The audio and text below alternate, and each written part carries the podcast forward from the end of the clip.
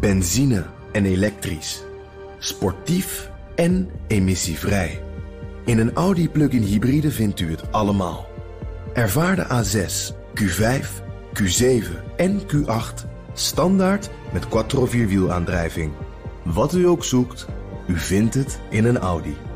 Audi. Voorsprong door techniek.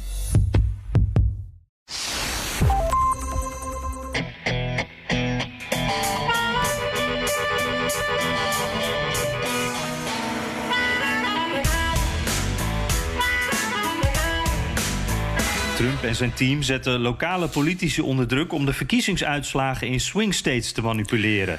Trump-supporters intimideren diezelfde politici en ambtenaren.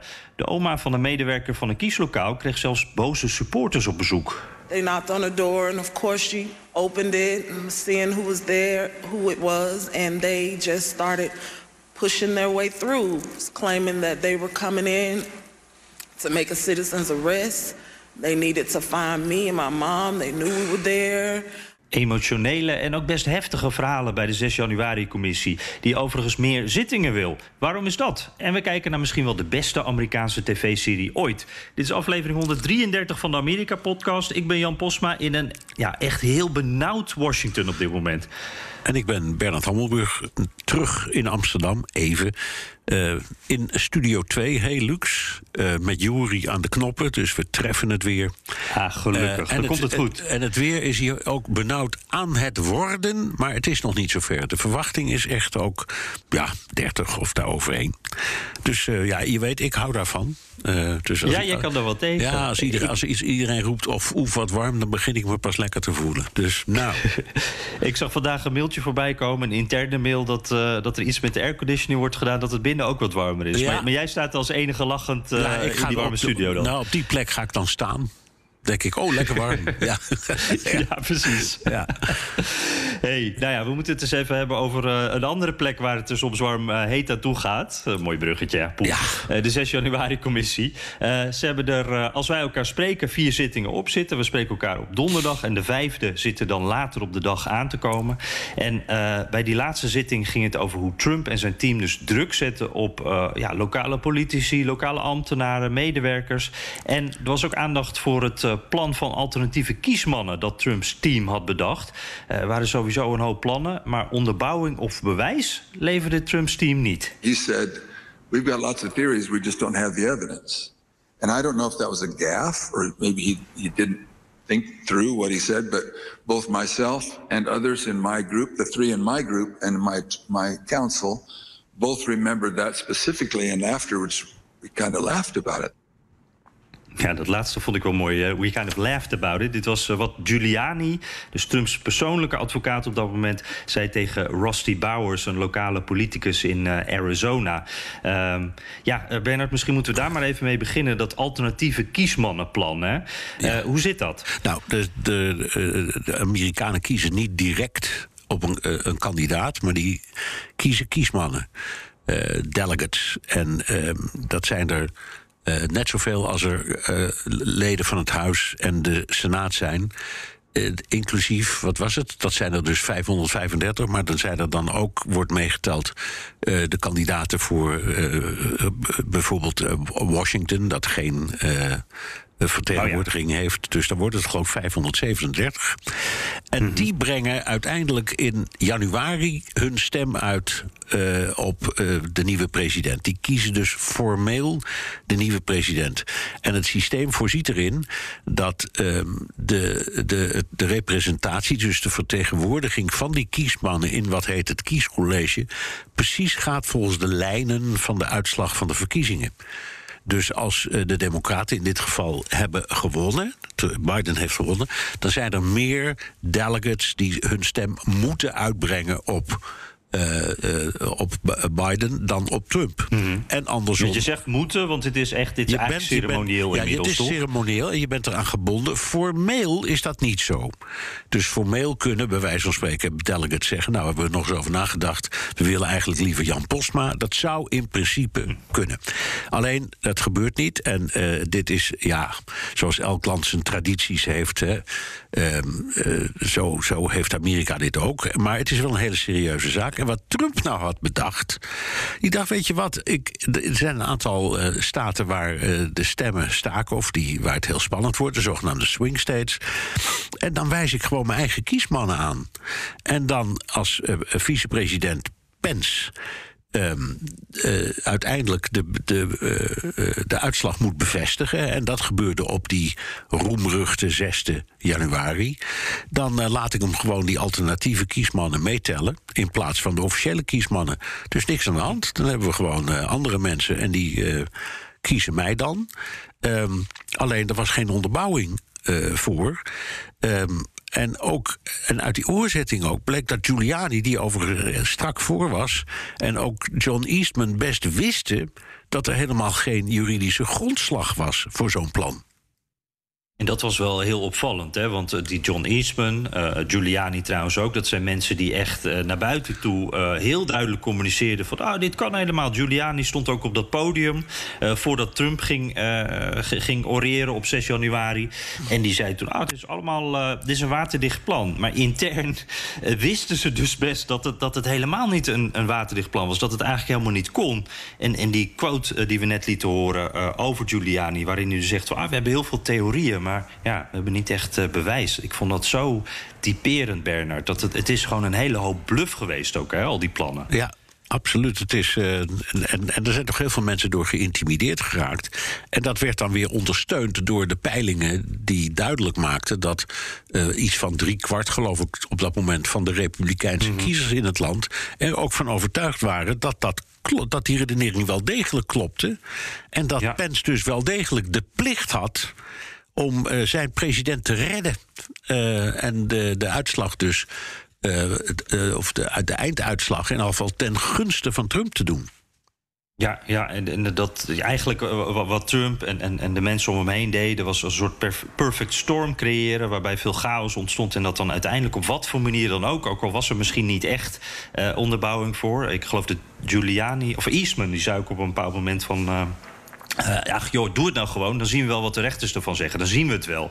Dat was de gedachte. Um, ik, ik, ik, voor mij was dit ook eigenlijk de eerste hoorzitting waarbij ik echt heel duidelijk zag. Ja, hier speelt Trump een overduidelijke rol, een hoofdrol. Uh, is het ook iemand die, die verantwoordelijkheid draagt voor wat er gebeurt? We hoorden bijvoorbeeld Ronna McDaniel, uh, de baas van de uh, Republikeinse Partij, zeggen dat hij direct betrokken was. we hoorden natuurlijk ook al die fragmenten van dat beroemde telefoontje met die Brad Ravensburger, hè, die man in Georgia, waar tegen Trump toe zei: Je moet even extra stemmen voor me vinden maar dat deed Ravensburger niet.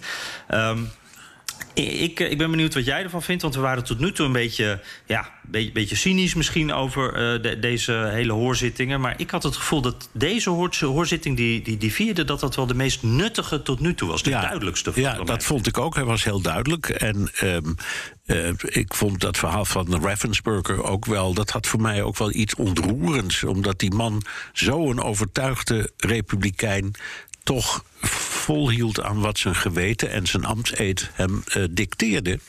Namelijk, mm. die, die, die uitslag die ik bekend heb gemaakt, die klopte gewoon als een bus. En uh, dat, nou, dat, numbers don't lie. Numbers don't lie. En dat heeft hij dus ook gezegd tegen, tegen Trump. Nou, die is destijds ontploft en die is daar nooit meer uh, helemaal overheen gekomen, zal ik maar zeggen. Die zit nog steeds na te trillen. Um, dus het, ja, ik vond het ook een, een, een, echt een onthullende. En ik vond het ook een belangrijke zitting, omdat eigenlijk in alle rust al die zaken nog eens werden doorgenomen. De vraag die ik heb en had en uh, zal blijven hebben. Totdat, uh, totdat dit ooit misschien afloopt, uh, deze hoorzittingen. Mm -hmm. Is het, verband tussen het uh, saboteren van de verkiezingsuitslag en wat er uiteindelijk is gebeurd op 6 januari. Mm de, de, logica is perfect. Ja, het een heeft tot het ander geleid. Maar voor mij is dat juridisch de hobbel die ik nog moet zien nemen. Dat vind ik, dat, daar ben ik ook het meest benieuwd naar. Hoe uiteindelijk, ik zal maar zeggen, het bewijs wordt gevoerd dat het een een logisch gevolg was van het ander. Niet moreel en ook niet door eh, de inhoud van toespraken, maar gewoon hoe zit dat nou juridisch?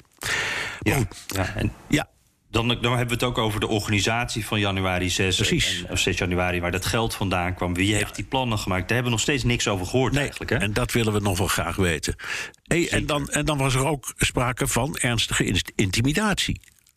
Ja, dat, dat, hoorden we aan het begin natuurlijk al even. Dat vond, vond ik wel een, een ontroerend moment. Een, een, uh, ja, een, een kieslokaal medewerker, uh, de, de George, uh, Georgia uh, uit Georgia, moet ik zeggen. Sorry, ik hakel eventjes. Ze heette Wandrea Moss. En, en, en uh, nou ja, ze, was heel zenuwachtig. En, en zij deed uh, echt een persoonlijk verhaal over hoe ze haar werk had gedaan. En nou, er was een bepaald videofragment. Dat, daar werd heel erg de aandacht op gelegd door nou, enkele mensen uit Trumps team. Giuliani onder andere. En daarin leek het alsof zij iets deed wat niet door de beugel kon. Maar uiteindelijk legde zij ook uit dat ze, ik geloof dat ze een snoepje gaf aan haar moeder. En dat werd dan uitgelegd als, nou, nou, kijk, op deze beveiligingskamer zien we dat de fraude wordt gepleegd. Um, en haar leven stond daarna gewoon echt helemaal op zijn kop. En je hoorde de emotie ook bij haar. Um, haar moeder die was geloof ik twee maanden niet meer thuis geweest... omdat ze bang was uh, dat mensen aan de deur zouden komen. Nou, je hoorde al haar oma, die in de zeventig was, die, die kreeg bezoek. En niet zomaar bezoek, die mensen die wilden echt binnendringen... en, en nou, haar, kleindochter uh, arresteren.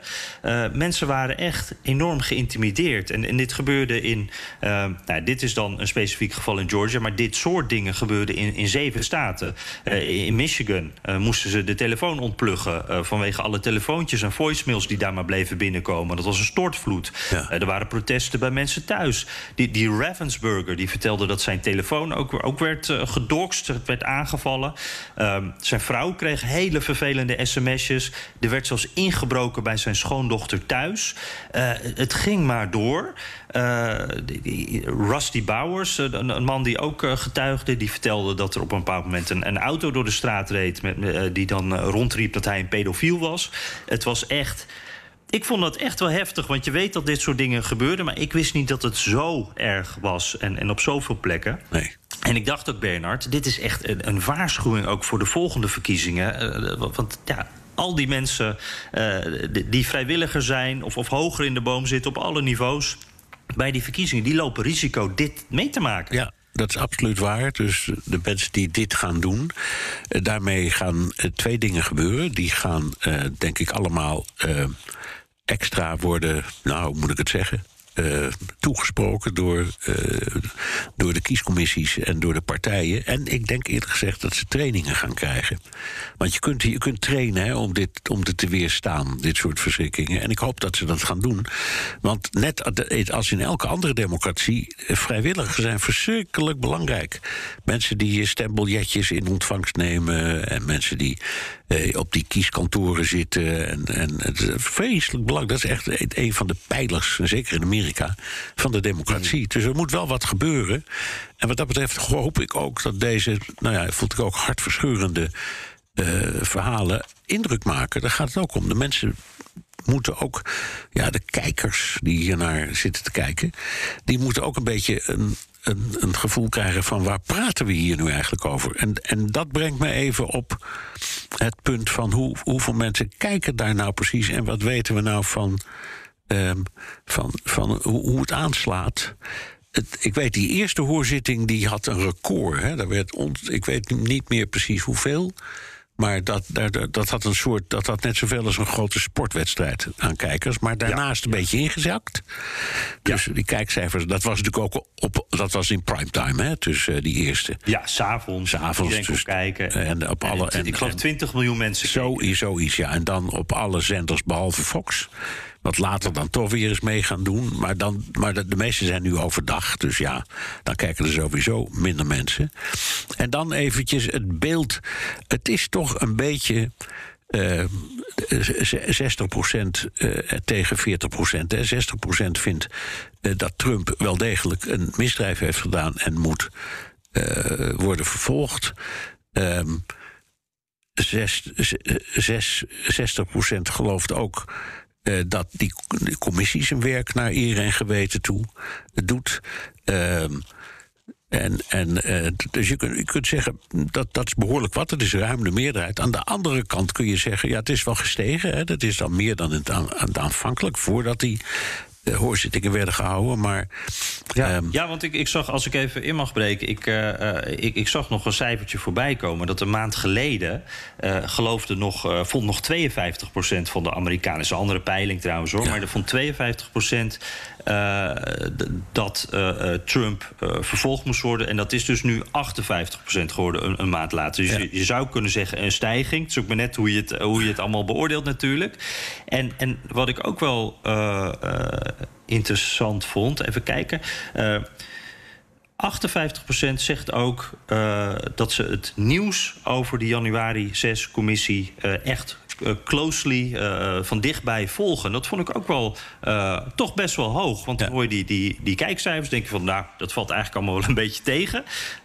maar mensen volgen het natuurlijk ook op andere manieren. Via hun telefoon, via social media, via allerlei andere manieren. Dus ik, ik was er toch wel ietsje uh, positiever uh, over hoe Amerikanen dit volgen. Ja, alleen de vraag is, uh, Jan.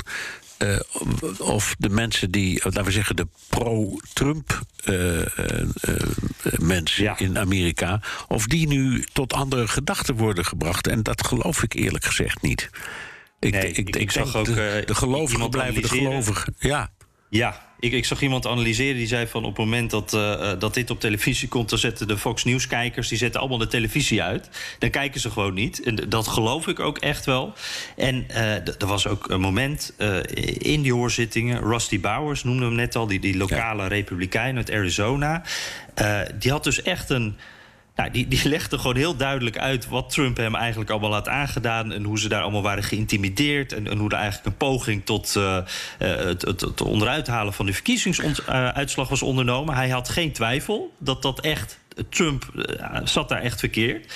En toen werd hij door de Washington Post gevraagd van... En zou je dan nog op hem stemmen? En dan zegt diezelfde man, als hij de genomineerde wordt... als hij het tegen Biden opneemt, dan stem ik nog een keer op hem. Ja. En toen dacht ik van, nou, dit, dit, dit valt het samen. Dit valt het samen, ja. Um, en ik denk dat ook de conclusie zal zijn op een moment, maar we zijn nog niet zover, ook niet in de Amerika-podcast, maar dat moment gaat komen, mm. dat we misschien gaan vaststellen dat het allemaal wel heel erg was, maar dat um, een, een heel groot deel van het volk het gewoon allemaal niet zo erg vindt ook die verschrikkelijke beelden die we hebben gezien van die moordpartijen en ja, moord en doodslag, zal ik maar zeggen, in dat kapitool zelf, wat toch verschrikkelijke beelden zijn. Ook daarvan denk ik dat op den duur mensen zullen zeggen: ja, dat was een stelletje gekken, dat is een beetje uit de hand gelopen, maar dat, dat zijn wij niet.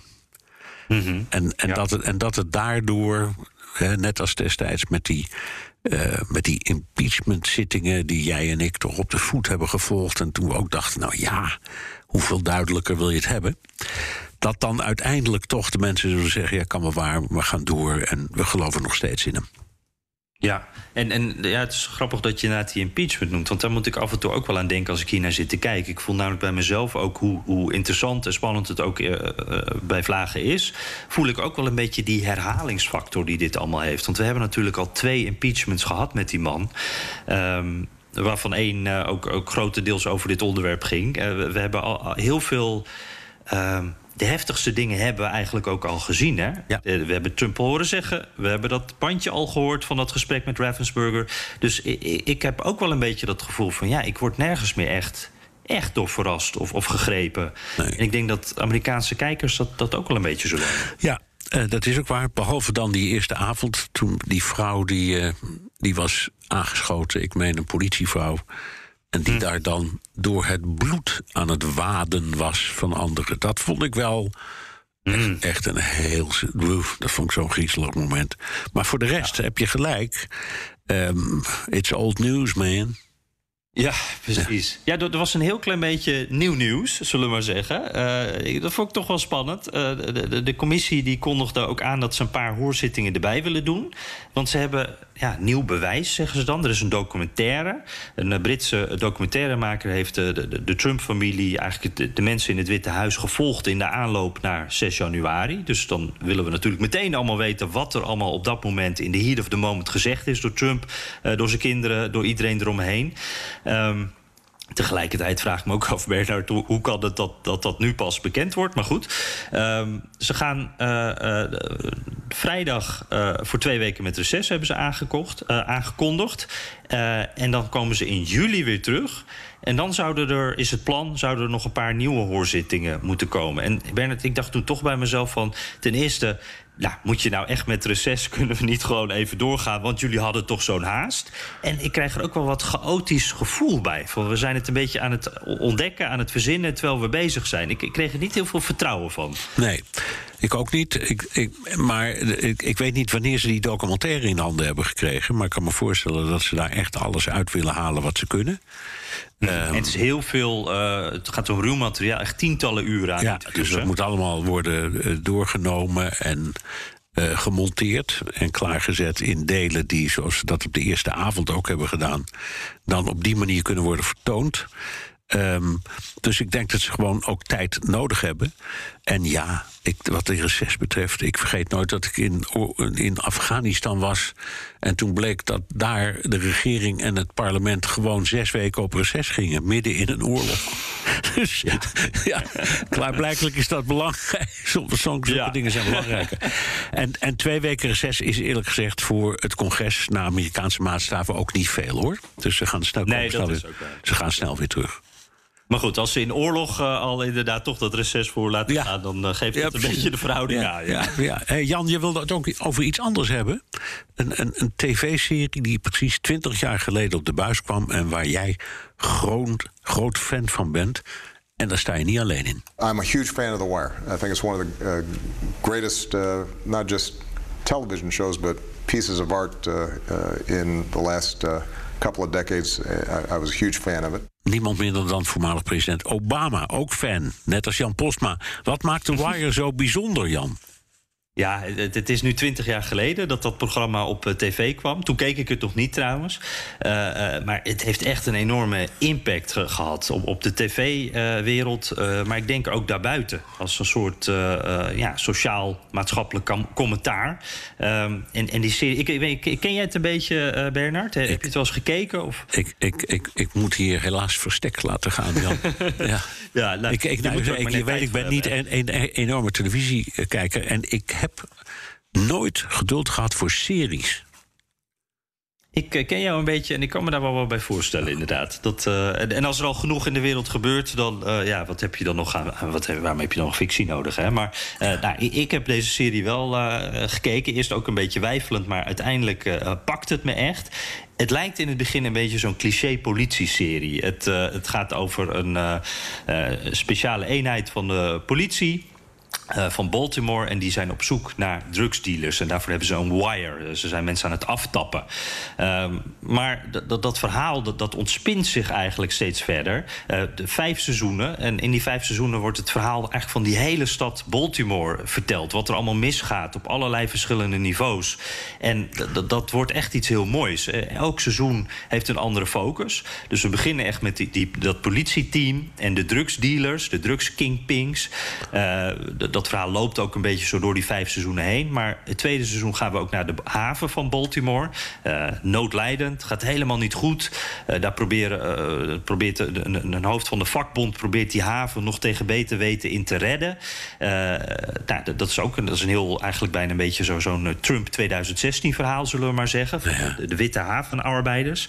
Maar het gaat ook naar onderwijs, naar, naar de politiek, het gaat naar de media. En, en zo zie je hoe dat allemaal met elkaar te maken heeft. Hoe, hoe problemen in stand blijven door keuzes.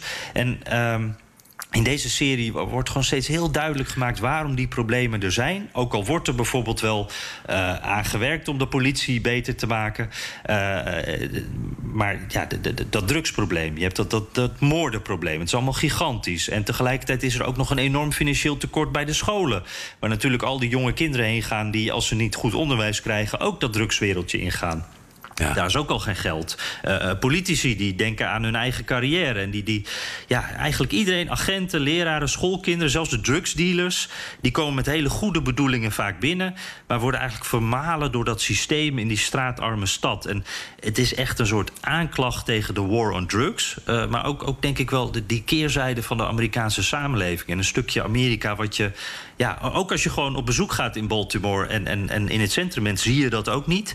Uh, maar die wereld is er wel en dat vertelt die serie zo goed. Ja. En, en uh, ja, ik, ik, begrijp het. En wat Amerikanen hebben altijd de neiging om in filmische verhalen. Uh, een soort van casuïstiek toe te passen. Dus laten we zeggen, als je een film maakt over de Tweede Wereldoorlog, dan volg je één um, bataljon van een paar mensen. En bij, mhm. bij, voorkeur één officier of één gewone soldaat. En door diens ogen wordt als het ware dat hele verhaal verteld. Gebeurt dat in The Wire ook? Dat je van die, van die mensen hebt die als het ware een, een, een symbool of een metafoor worden voor het grotere verhaal daarachter? Ja, ja nee, dat, dat gebeurt ook. En, en, maar dan wel in de zin van dat er dan een heleboel van dat soort verhalen zijn. Het, het is ook meer als een boek, eigenlijk een dik boek, dan dat het een, een tv-serie is op dat punt.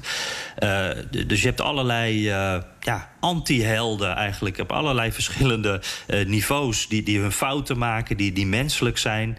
Die er het beste van proberen te maken op hun eigen manier. Um, en ik vind bijvoorbeeld iemand die echt wel symbool staat voor iets. En, en mijn favoriete uh, persoon in, in een personage in deze serie. En ik, dat is ook de, de favoriet van Obama toevallig. Omar Little. Dat is een, een, een, een, ja, echt een loner. Iemand die, uh, een, een, misdadiger die, die drugsdealers overvalt. Het is echt een soort een beetje cowboyachtig hoe hij s'nachts door de straten van Baltimore gaat. Echt een ijskoude killer, maar hij heeft ook een zacht randje. Hij is uh, openlijk homoseksueel, wat in die hele ja, macho-wereld van criminelen daar en drugsdealers echt wel iets, iets bijzonders is. En ook in deze periode, begin 2000, toen die serie gemaakt werd, ook iets nieuws was. Iets waar, waarbij het niet een grapje werd of een punchline, maar dat het gewoon een onderdeel, een serieus onderdeel van die mans leven was. En hem dus ook een heel interessante, zachte en een harde kant geeft. En die man, die Omar, die heeft echt een fantastische acteur, heeft ook fantastische one-liners, dat personage. En, en eentje die ik er even uit wilde halen. Uh, wat denk ik echt voor iets groters staat. Uh, hier is hij uh, getuige in een rechtszaak. En de advocaat van de andere partij die, die is hem helemaal zwart aan het maken. Want hij is toch iemand die drugsdealers overvalt, mensen vermoordt. Dus waarom zou je hem moeten geloven? en, en nou ja, dan, komt Omar met een, een fantastisch antwoord. You are amoral. Are you not? You are feeding off the violence and the despair of the drug trade. You're stealing from those who themselves are stealing the lifeblood from our city.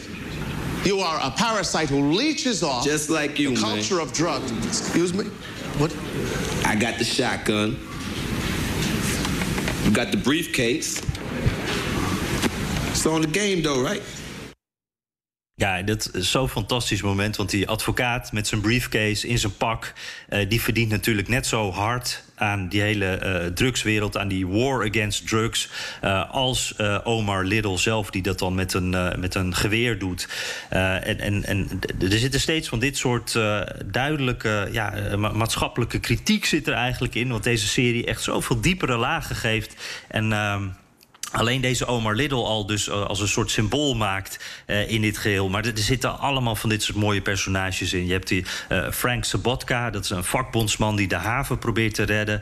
Je hebt mislukte politieagenten. Je hebt een politieinformant die, die strijdt tegen zijn verslaving. Een heel zachtaardig iemand die, die echt eigenlijk te zacht is voor de wereld.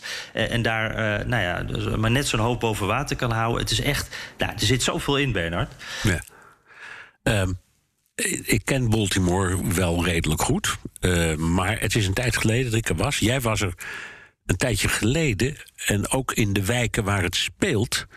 Um, vind je dat die serie een goed beeld geeft van wat jij zelf hebt gezien? Ja, en dat verbaasde me eigenlijk wel. Daar, daar schrok ik zelfs een beetje van. Want uh, ik was er inderdaad, uh, ik geloof dat het vorig jaar of twee jaar geleden was ik er. En um, nou ja, het leek heel erg op uh, de serie. Uh, in de serie zie je vooral het, drugsgedeelte. Ik bedoel, het is een verlopen stad, Baltimore, in veel uh, delen. dat is wel duidelijk. Maar in deze wijken, West Baltimore, gaat het dan bijvoorbeeld over. ja, dan zie je inderdaad heel veel verslaafd op straat. Je ziet heel veel armoede, criminaliteit, allemaal leegstaande gebouwen. Het is echt, ja, het is echt een soort oorlogsgebied met uitgebrande auto's die op straat staan. En, uh, en ik had zelfs het idee, want ik dacht, nou ja, er zit twintig jaar tussen. Daarin kan heel veel gebeuren. En deze serie heeft ook veel aandacht gegeven aan, uh, aan, dit probleem. Uh, maar er was niks aan gebeurd. Ik denk zelfs dat het erger is geworden. Dat, dat, wat volgens mij het verschil is, is dat er toen in de serie, 20 jaar geleden, ging het om heroïne, waar mensen aan verslaafd waren. Nou, dat is er nu nog steeds. Maar nu gaat het ook over fentanyl en, en andere uh, opiaten en, en allerlei andere dingen waar mensen aan verslaafd zijn. En dat wantrouwen naar de politie, dat is denk ik ook nog groter dan toen. Uh, dit is de wijk waar ook Freddie Gray uh, ja, omkwam na zijn arrestatie, zwarte man. nou, grote opstanden daarna, ook in deze wijk in, in Baltimore. Dus ja, je kan zeggen aan, het begin eigenlijk van de Black Lives Matter beweging. Um, toen noemden we dat ook nog niet zo. En uh, nou, wat ik ook nog even wil noemen daarbij, The Wire, uh, dat, dat, dat heeft natuurlijk ook op een bepaalde manier is dat wel een beetje gedateerd. Want dat politiegeweld, dat zit er wel in, maar we kijken daar toch nu anders uh, tegenaan. Ik denk dat we daar wel veel scherper naar kijken. En dezelfde makers van The Wire, dat is onder andere schrijver David Simon, die ook fantastische andere series heeft gemaakt, die hebben ook een opvolger gemaakt van The Wire. Het is, het is officieel niet een opvolger, maar het gaat ook over Baltimore. En dit gaat specifiek over de politie. Het heet We Own This City. Um, corruptie, masmisbruik. Uh, ook echt een aanrader. This is a dysfunctional police department with a culture that looks at accountability as a four-letter word. I told you weeks ago about a federal investigation. There's always a rumor of a federal investigation. This shit never happens. It's Baltimore. This shit been going on for a long while. We just follow the leader. Am I going to lose my job over this? Look around. You built this machine where half the damn country part with money and power chew up the other half that didn't have anything to begin with. Watch it work. Zo.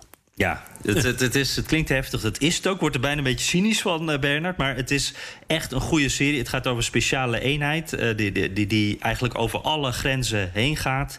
Uh, je ziet corruptie. je ziet racisme. En ik kreeg er een beter gevoel bij. wat politiegeweld kan doen met mensen en ja. met een wijk en, en, met het gevoel richting de politie. Op ja. een bepaald moment willen ze een rechtszaak en dan zoeken ze een jury en ze kunnen niemand vinden om in die jury te gaan zitten omdat niemand de politie vertrouwt. Nou, dat is het gevoel van Baltimore op dit moment dus. Ja, ja, ja. Wie, wie produceert het of zendt het uit? Ja, dat is een goeie. Het, uh, het is hier in Amerika via HBO uh, te zien. Dus daar moet je lid van zijn. Ja. Uh, volgens mij kan dat tegenwoordig in Nederland nou, je ook, hebt, dat je, hebt, je hebt tegenwoordig in Nederland HBO Max. Ja, daar, dat is hetzelfde. Ja, daar kun je dus een abonnement op nemen. Ik weet niet of het in hun playlist staat. Maar als ik jou goed begrijp, dan moet, is het zeer de moeite waard om dat even na te kijken. Zeker. En, ja. en, anders zijn er ook altijd andere manieren. Ik weet zeker dat onze luisteraars die ook wel weten te vinden om uh, deze serie te kijken. Maar goed, ja. het zijn even twee. Ja, het is dan twintig jaar geleden dat The Wire op televisie was. Ik, ik, het, uh, ik ben het weer opnieuw gaan kijken. En uh, deze nieuwe serie, die dus ook net uit is gekomen, die ook zeker de moeite waard is, wilde ik toch even delen. Ja, oké, okay, Jan. Um, zullen we kijken naar de vragen? Um, en dan ja. even weer voor uh, onze trouwe luisteraars. Je weet het, je kan een vraag sturen via de mail. Of via de Amerika-podcast WhatsApp. Dan kun je ook een boodschap inspreken. Het nummer is 06 28 5020. Ja, en uh, we hadden ook een inspreker. Hè? Ik geloof alleen dat er geen naam bij zat. Dus het, het wordt anoniem. Maar uh, we laten hem wel even horen, toch? Ik hoor altijd vaak jullie scherpe analyses en jullie kennis en kunde over uh, Amerika. Die bijna thuisgebracht wordt. Ehm, wat, hoe schatten jullie in dat Trump bij de volgende verkiezingen gewoon weer president gaat worden? Want als ik zo jullie kritiek analyse beluister over de stand van zaken in het uh, politieke in Amerika, lijkt het mij bijna een gelopen race dat Trump over twee jaar weer in het Witte Huis zit. Hoe kijken jullie daarnaar? Nou, Jan. Ja. ja, ik moet zeggen, leuk trouwens, want ik hoor, uh, je, je, hoort een beetje de regen door de bladeren. Volgens mij was ja. dit een boswandeling door de regen. Ja. Um, en, en, wat ik denk hierbij, uh, Trump is inderdaad op dit moment bij de Republikeinen uh, de gedoodverfde favoriet. Maar ik heb ook wel heel sterk het gevoel... die race is nog niet gelopen. Want nou ja, er, kan nog zoveel gebeuren. Uh, en, en, en, en, we zijn nog steeds aan het aftasten ook... van hoe invloedrijk Trump nou uh, precies is op dit moment. Hè. Uh, je ziet aan de ene kant bij, bij die primaries, die voorverkiezingen... zie je dan dat de Trump-kandidaat het wel wordt. Op sommige staten, in Georgia bijvoorbeeld... worden de Trump-kandidaten het dan weer niet. Hoe invloedrijk en machtig is die man op dit moment. Uh, op dit moment zou ik wel denken, ja, als ik dan iemand moet aanwijzen, dan is het wel Trump. Maar uh, ik durf nog geen geld erop nee. te zetten. Ik weet niet hoe dat met jou is. Ik heb precies hetzelfde. Um, en wat mij wel opvalt, want jij zegt dat nu, de Trump-kandidaat zus, de Trump-kandidaat zo, de een die verliest, die de andere. Ik kan mij niet een president herinneren, een oud president herinneren, die uh, probeert kandidaat Kamerleden, zal ik maar zeggen, congresleden, mm. als een soort marionetten te bespelen. Dat vind ik zoiets aparts. Dus. Uh, alsof. er komt een stempeltje op zo iemand, op zijn voorhoofd. Zoiets van goedgekeurd door de, ja. door de Bond van Huisvrouwen. Maar in dit geval goedgekeurd door Donald Trump. En dan wordt hij de verkiezingen ingestuurd. Dat is zoiets aparts. En ik hmm. vraag me af of dat niet op, ook, ook dat niet op een bepaald moment tegen hem kan werken. Want hmm. gesteld nu is dat hè, de, de, die congresverkiezingen, nou, daar zal het Huis van Afgevaardigden waarschijnlijk republikeins worden. Dus er komen heel veel mensen met zo'n stempeltje op hun voorhoofd. Maar dat zijn niet allemaal Trumpisten, ook anderen. En de, ik vraag me af of, of dat mechanisme nog wordt gerespecteerd als, er, uh, als de verkiezingsstrijd voor, uh, voor het presidentschap begint. Want er zijn goede tegenkandidaten, ook Trumpistische uh, tegenkandidaten. En ik denk dat die zich niet zo snel laten wegspelen. en als er een situatie komt waarin Trump niet de enige kandidaat is, maar er zijn ook andere, dus er komen voorverkiezingen en weet ik wat allemaal, waarbij de Republikein moet gaan kiezen tussen Trump en andere kandidaten, dan ben ik nog niet zo zeker dat hij dan boven komt drijven. Uh, ik, ik, ik, het, ik zou trouwens, als ik hem was. Uh, als dat echt gebeurt, laten we zeggen, als, als de Santos, hè, de gouverneur van Florida, ja, echt zo daar blijft. het dan allemaal over. Ja, ja, zo blijft stijgen als die steeds maar doet. Een goede kandidaat. En nou, Trumpistischer dan Trump. Um, als die echt verder komt bovendrijven en, en, zich kandidaat stelt, dan is het de vraag of Trump er wel verstandig aan doet om zich, weer, om zich ook weer kandidaat te stellen. Want dan krijg je een soort strijd. En dat, kan, dat leidt alleen maar tot nadelen. Dus ik ben er ook niet zeker van. Nee, nee, ja, precies. Want uh, die Trump die denkt ook aan zijn andere toekomst. Als dat niet politiek is, dan uh, wel uh, commercieel wil hij. En, en politiek zijn invloed behouden natuurlijk ook. Dus hij is ook een berekenende man natuurlijk. Ja, en ook, en, en, ook hij is dan wat, 77, 78 tegen die tijd. Dus daar moet hij ook, even, moet, moet hij ook nog even over nadenken. Ja, ja. Ja. ja. Dit is de hamvraag op alle verjaardagen en feestjes, hè, altijd. Dat uh, gaat hij doen. Overal, overal. Ja, ja ik krijg hem Zeker. ook echt continu, die vraag. ja, ik ook. Ja. Hey, uh, in ieder geval een leuke vraag uh, vanuit de bossen, denk ik, dus in de regen. Donja Bormans stuurt een, een gewone mailtje. Die studeert uh, rechten en volgt ook Amerikaans staatsrecht. En uh, daardoor is de interesse in Amerika verder gegroeid. En uh, nou, door de podcast wordt dat ook weer wat concreter. En wordt het wat ik leer tijdens de colleges tot leven gebracht. Nou, dat is in ieder geval leuk. Ja, en noem dan een voorbeeld. Uh, een film, filmpje, filmpje van Jimmy Kimmel. Um, dat uh, is zo'n late night uh, comedy programma. Hè? En daarin, dat was een beetje zoals met de, de, vakantieman vroeger, met Frits Bom. Dat mensen landen moesten aanwijzen op een wereldkaart. Maar die Amerikanen die konden niet eens Amerika aanwijzen. En uh, uh, nou, het staat dan ook in de mail. Ik sprak op vakantie een Amerikaan die niet wist dat Amsterdam in Nederland lag. Dacht dat het een apart land was. Ik vind dit allemaal maar vreemd. Mijn vraag is of Amerikanen alleen met hun eigen land bezig zijn. Of met hun eigen staat. Krijgen ze bijvoorbeeld wel topografie op school, zoals in Nederland. Uh, wij zien dat toch als een soort algemene ontwikkeling. Is het in Amerika anders? Ja, dat is in Amerika anders.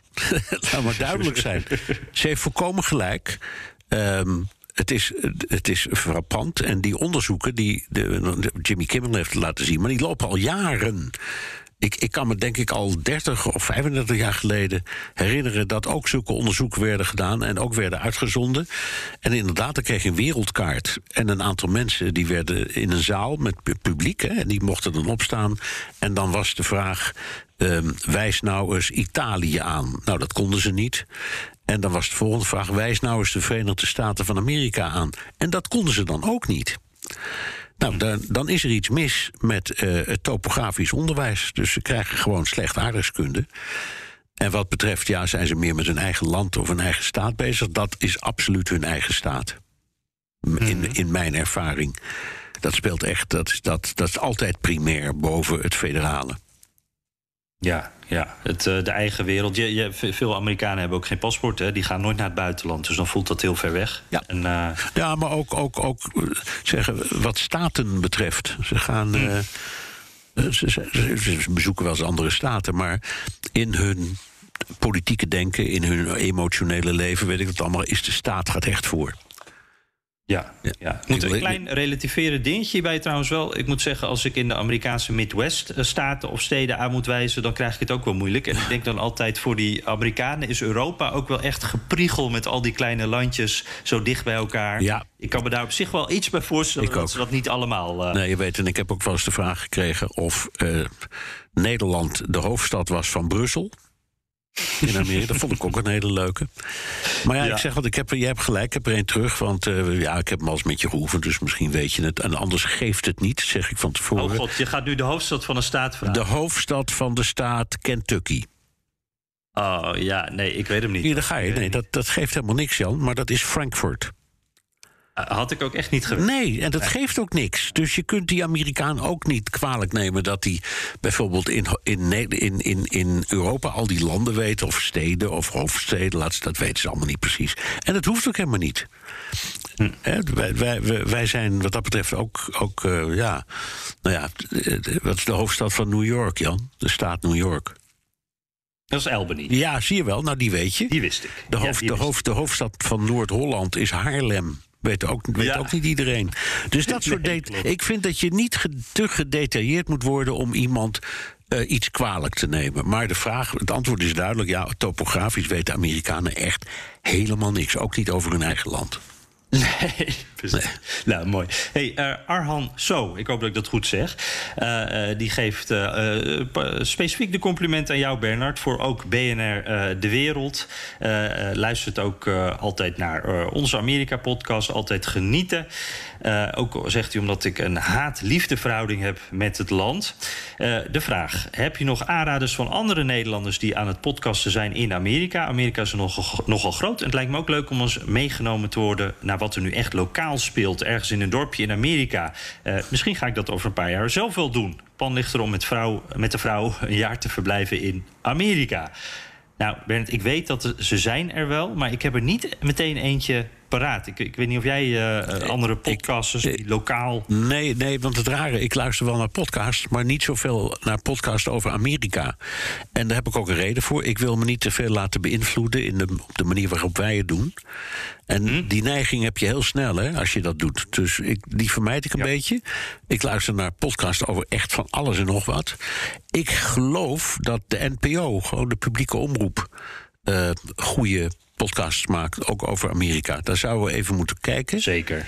Maar die hebben de middelen en die hebben heel veel kennis. En dat zijn in het algemeen, eh, ja, ik zou maar zeggen, collega's waar we snel ons petje voor afnemen. Dus daar zou ik eerst eens kijken, als ik ging zoeken. Eh, maar ze zijn er vast. En ik heb ook, er is ook eh, nou ja, net een serie podcast gemaakt. En die heet De Grote Oversteek. Van Nederlanders die naar Amerika zijn gegaan. Daar weet ik toevallig iets van omdat ik ben gevraagd om een heel klein stukje geschiedenis te vertellen.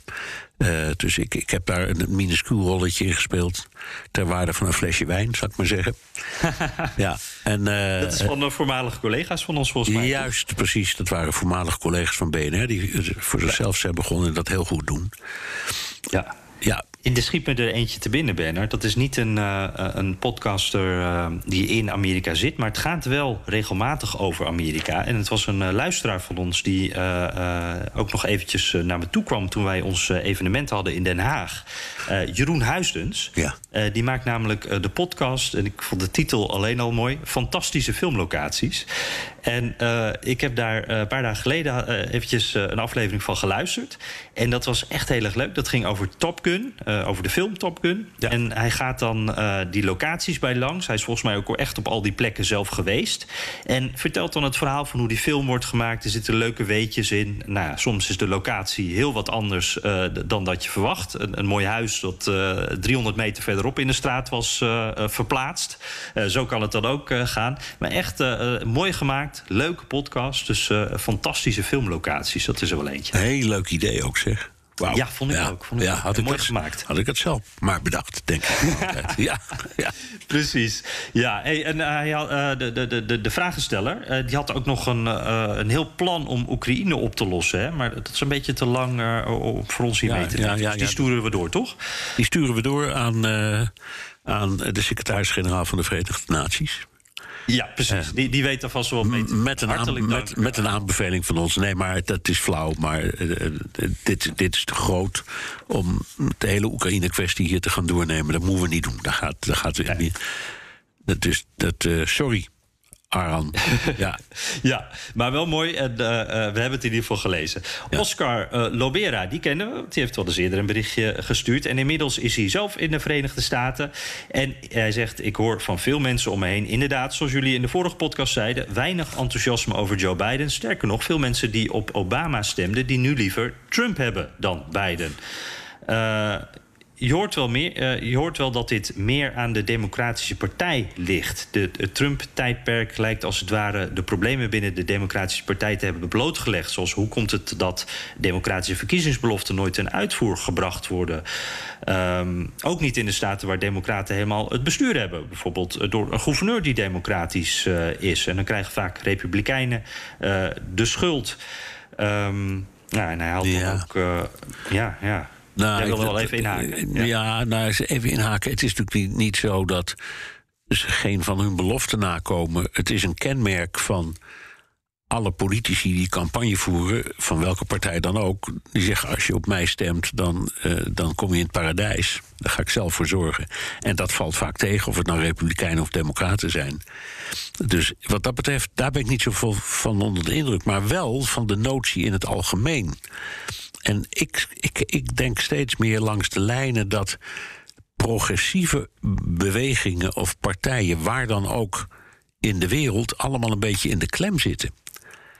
Ehm, hun verhaal is misschien ook een beetje op. Hè? Eh, de, de- het waren democraten die de sociale voorzieningen hebben gebracht in Amerika. Het, waren, het was de Partij van de Arbeid die dat in Nederland heeft gedaan. Maar op een bepaald moment denk je, ja, het is er nu allemaal. Dank jullie wel, we zijn jullie heel dankbaar. Maar kom nou nog eens met wat anders. En dat andere hebben ze dan vaak niet. Terwijl eh, de Republikeinen hebben dat altijd wel. Die, die willen een muur om het land bouwen. Of die willen, weet ik wat, noem het allemaal op. Je kunt het bizar vinden. Maar in elk geval komen ze ergens mee. Ehm, en, concreet ook. En concreet ook. En de Democraten minder. Dus dat, dat is dan meer een filosofie dan iets concreets. En dat vind ik ook zorgelijk. Hmm. En wa- wat Oscar daarna ook eh, bij zegt, die zegt van hij heeft de indruk dat eh, eh, de democraten of progressieven wel heel erg geloven in hun eigen standpunten, zoals bijvoorbeeld een inclusievere samenleving noemt hij dan, maar dat ze dat, dat niet in hun eigen achtertuin willen. Dus fantastisch allemaal, maar niet bij mij te- in de straat. Het zou kunnen. Dat, dat weet ik niet. Dat kan ik niet controleren. Dat weet ik niet. Ehm, ik weet niet of dat zo is. Het zou kunnen hoor. Ik, eh, ik sluit het helemaal niet uit dat we allemaal erg zijn voor vluchtelingen, maar dat we geen opvangcentrum naast onze, de school waarop ze klein, onze kindertjes zitten willen. Dat kan. Dat weet ik gewoon niet. Ik, eh, ik heb geen. geen eh, Inzichten daar. nee, ik, heb geen, ik weet het gewoon niet. Nee. Nee, nee, ik zou hem zo ook niet weten hoor. Maar wel dank voor de vraag, eh, Oscar. En als je er meer dingen opvalt in eh, Amerika tijdens je bezoek, eh, laat het ons weten. Kenny Martens, ook een vaste luisteraar.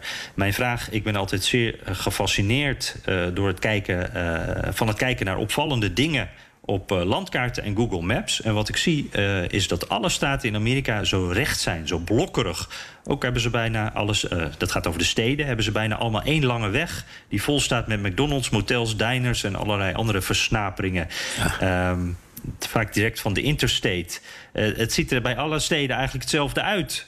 Kenny vraagt zich af waarom is dat? Ja, dat noemen ze, daar is ook een woord voor. Dat heet mainstream USA.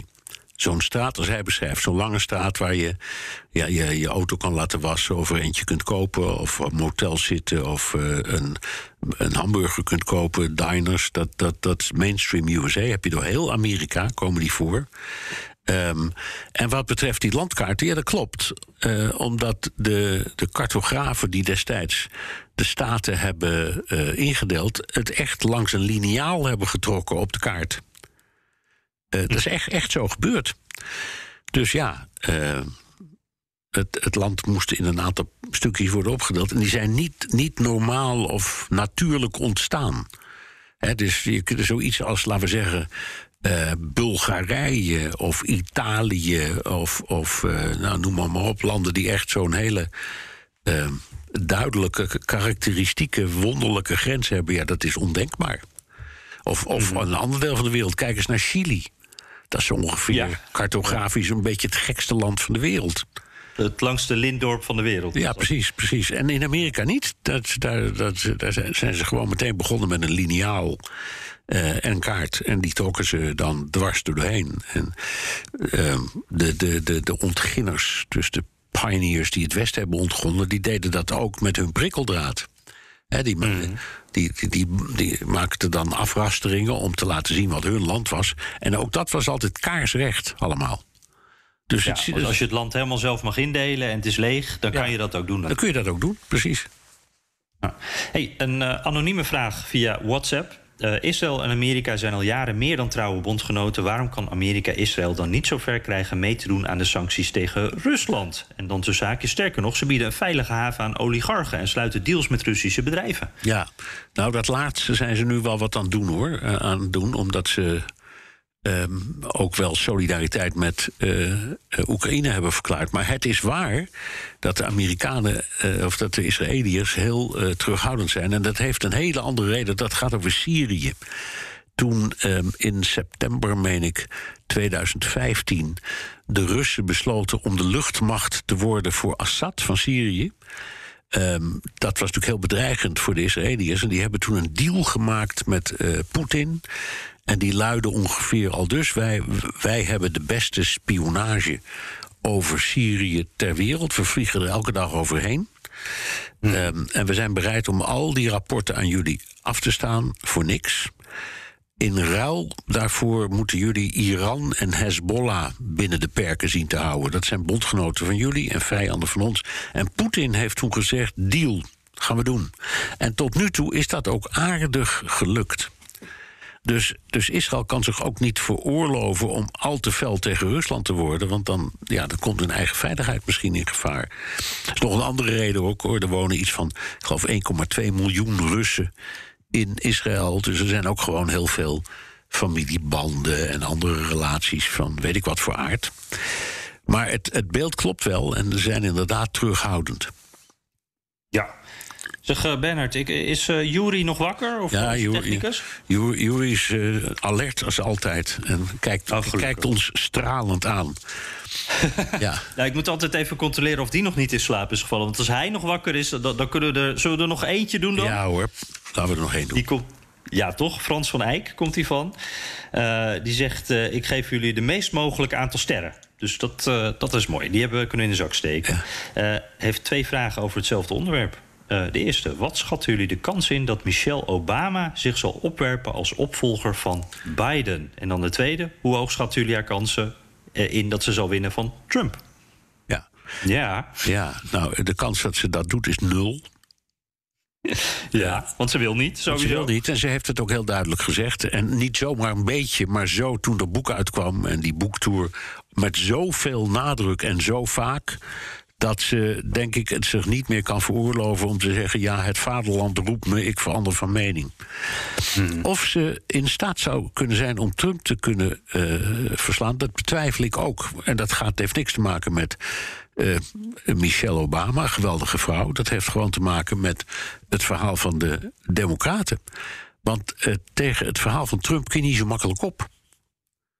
Dus ik zie überhaupt voor de democratische kandidaat een enorme klus. Mocht Trump kandidaat worden voor de Republikeinen, zal niet meevallen. Nee, zeker. En, en Michelle Obama, het, je merkt wel dat daar, ehm, die is heel populair. Ja, zeker. Democraten. Maar dat komt natuurlijk ook juist omdat zij eigenlijk uiteindelijk geen politicus is. Dus zij heeft nooit een vervelend besluit hoeven nemen waar Obama, uh, haar man Barack Obama, ook, ook dingen heeft die, die mislukt zijn. Nee, dat is waar. Minder populair. En zij staat natuurlijk altijd vanaf de zijlijn en dan word je heel populair. Dit is de kandidaat die het nooit zal worden. En, en dat doet het altijd enorm goed in peilingen. Ja, en, en het is natuurlijk ook, um, ze was een behoorlijk ideale first lady omdat ze, ze was heel actief. Ze heeft zich voor allerlei zeer goede doelen ingespannen. En was overal te zien en te horen. En eh, dat moet je de Obama's, wat je ook verder over ze vindt, nageven. Die hebben daar acht jaar gezeten zonder ook maar één conflict of ook maar één schandaal. Dat is knap, want dat lukt bijna geen enkele politicus. En zeker niet acht jaar lang. En dat is uh, Obama en Michelle wel gelukt. En dat... ik, ik, ik, moet even lachen, want Republikeinen denken hier anders over. Dus ik ben benieuwd of we hier brief over krijgen, Bernard. Nou ja, nou, ik weet niet, ik zou niet weten. ik, je kunt zeggen, het was een vreselijke president, of ik was niet met hem eens, dat vind ik allemaal. Maar schandalen zijn er nooit geweest, bij mijn weten, in die periode. En dat had voor een groot deel te maken met Michel. Mm Ja. Ja, en uh, ja, uh, Frans die, die, die stuurt er ook achteraan enorme bewondering voor haar. Nou, ik denk dat dat, dat geldt voor veel mensen. Charismatische vrouw. Ja. En, uh, ja, de droomkandidaat voor veel mensen. Maar ja, het blijft bij dromen, denk ik. Ja. ik word ondertussen door de redactie ook nog gebeld. En, dus ik denk dat we even moeten afronden, Bert. Ja. ze hebben ons weer nodig. Ja, ja het, dit, is ons, dit is ons plezieruurtje. Maar we moeten nou weer gewoon aan het werk, Heb, heb je nog recensies? Ja, die had ik nog wel. Um, ja, ik, ik heb alleen even moeite om deze naam uit te spreken. Ik denk dat iemand eventjes op het toetsenbord geramd heeft. Gefuduksus. Uh, uh, vijf, vijf sterren. Dat is eigenlijk het belangrijkste. Hollandse gezelligheid staat erover. Superleuk en gezellige podcast om naar te luisteren tijdens het werk. En eentje van Eternal Teacher. Dat vond ik wel een mooie, bijna filosofische naam. Zijn dat niet allemaal? Ja. Teacher en, en Eternal Student ook allemaal. Uh, keep up the good and accessible work. Ik geniet van jullie interpretatie van de VS en gebruik jullie podcast ook voor mijn studenten die de positie van de VS in de huidige wereld vaak verwarrend en verontrustend vinden. Jullie claimen terecht en gelukkig geen ex uh, cathedra wijsheid, geen absolute waarheid. Maar jullie zijn ook voor jongeren toegankelijk en tegelijkertijd onderhoudend. Dus vijf sterren, keep ja, up the ja. Wij, wij preken inderdaad niet van het... Uh van de kansel. Dat is waar. Terugluisteren kan via de BNR-site, Apple Podcast of Spotify. Heb je vragen, opmerkingen, kritiek of complimenten, dan kan dat ook. Met een tweet naar Jan Postma USA of BNR De Wereld. Of heel ouderwets met een mailtje naar dewereld.bnr.nl. En je kunt ook je vraag inspreken of intikken op de Amerika-podcast WhatsApp 06 28 13 50 2.0. Staat ook op de site, voor het geval je het vergeet. Welk platform je ook kiest, zet behalve je naam ook je adres in de tekst. Ja, want dan maak je weer kans op die mooie mok die we binnenkort weer gaan weggeven. En tenslotte, zoals altijd, laat ons ook even weten hoe je naar ons luistert en waar. Want dat vinden we altijd leuk om te horen. Soms letterlijk, als je bijvoorbeeld in de regen loopt en op dat moment je vraag aan het inspreken bent. En ja, Bernard, dan zeg ik tot volgende week. Tot volgende week, Jan. En Juri, jij mag nu op het stopknopje drukken.